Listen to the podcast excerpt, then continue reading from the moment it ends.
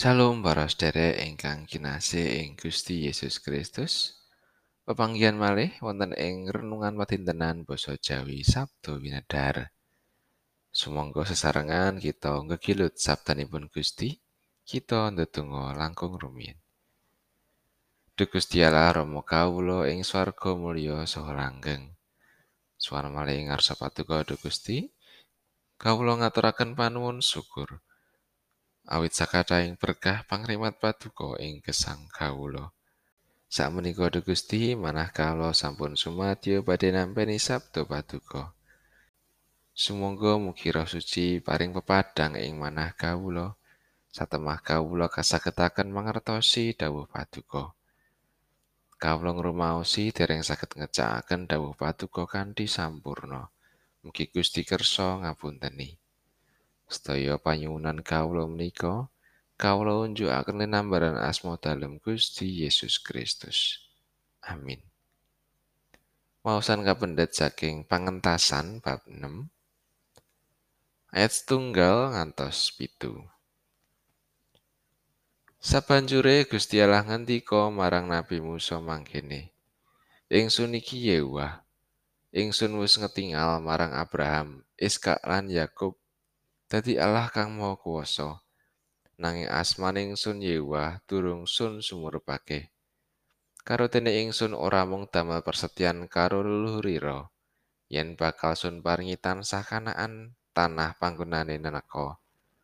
Nanging ingsun wis mireng uga bab wong Israel anggone ditindes dening wong Mesir. Lahan ingsun enget marang prasetyan ingsun. Kang iku sira tutura marang wong Israel. Ingsun iki Yehuwa. Ingsun bakal ngluwari sira saka pagawean paksane wong Mesir lan nguwalake sira saka anggonira dikawulake lan ngentasake sira kelawan asta kang sun acungake. Apa dene kelawan paukuman-paukuman kang abot? Sira bakal sun pundhut dadi umat ingsun lan ingsun bakal jumeneng dadi Allahira supaya sira padha sumurup yen ingsun iki Yehuwa Allahira kang ngwalake sira saka pagawean peksane wong Mesir. Karo dene sira bakal sun irit menyang ing negara kang wis persiake kelawan supaos. Yen bakal sun paringake marang Abraham, Iskak lan Yakub, sarta iku bakal sun paringake marang sira dadi darbeira. Ingsun iki Yehuwa. Makaten pangandikanipun Gusti. Ayatna saking ayat setunggal B. anggone bakal nglilani lunga bangsa iki sarana dipeksa ing asta kang rasa. Iya marga saka dipeksa dening asta kang rasa dheweke bakal nundung bangsa iku saka ing negarane. Daniel waluya parapan saking dikandani angel waton sulaya. Menika mbok bilih pas kalian patrap Prabu Pringon ingkang wangsul wangsul dipun suwun kanthi cara ingkang alus kagem nilani bangsa Israel kesah saking Mesir. Maksa mboten kersa utawi awel. Tentu Prabu Pringon saged gadah dasar piyambakipun boten rila saged bab SDM ingkang mirah kagem bangun infrastruktur ing Mesir. Saged ugi bab kaluhuranipun utawi derajatipun. Ing ngatasé Musa lan Gusti Allahipun menika sinten? Kok nyuwun mekaten dhateng Prabu Pringon. Ingkang dados perdondi menika boten saged nampi penemu saking pihak sanes. Langkung-langkung kang langkung asor derajatipun. Kados pundi kawontenan kita? Diaturi jagi pola makan, eh tasih ngeyel anggenipun dahar taksih mburok tanpa petungan. Dilalah sakit lan kedah opnom ing griya sakit, nembe rumangsa menawi anggenipun nedha mboten bener. Lajeng bibar saras badhe nedha kados sawonipun menapa wonten ewah-ewahan.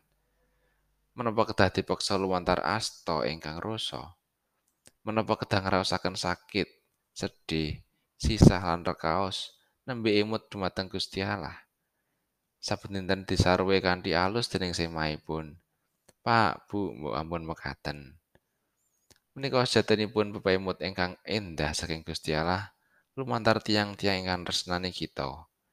Kita mbetahaken bangun sikap andap asor minangka pakulinan kita supados kita saged nekseni blesihipun Gusti Allah saged maujud lumantar menapa kemawon lan lantaran sinten kemawon senajan menika namung tukang parkir. Supados gesang kita tansah babar kaendahan seipun Gusti Allah tumrap jagat menika. Lan saged maratelakaken katresnan dhateng sesami lan dirinipun. Mugi Gusti Allah tansah mitulungi kita bangun sikap andap asor ing sadengah bab lan kahanan. Amin. Gusti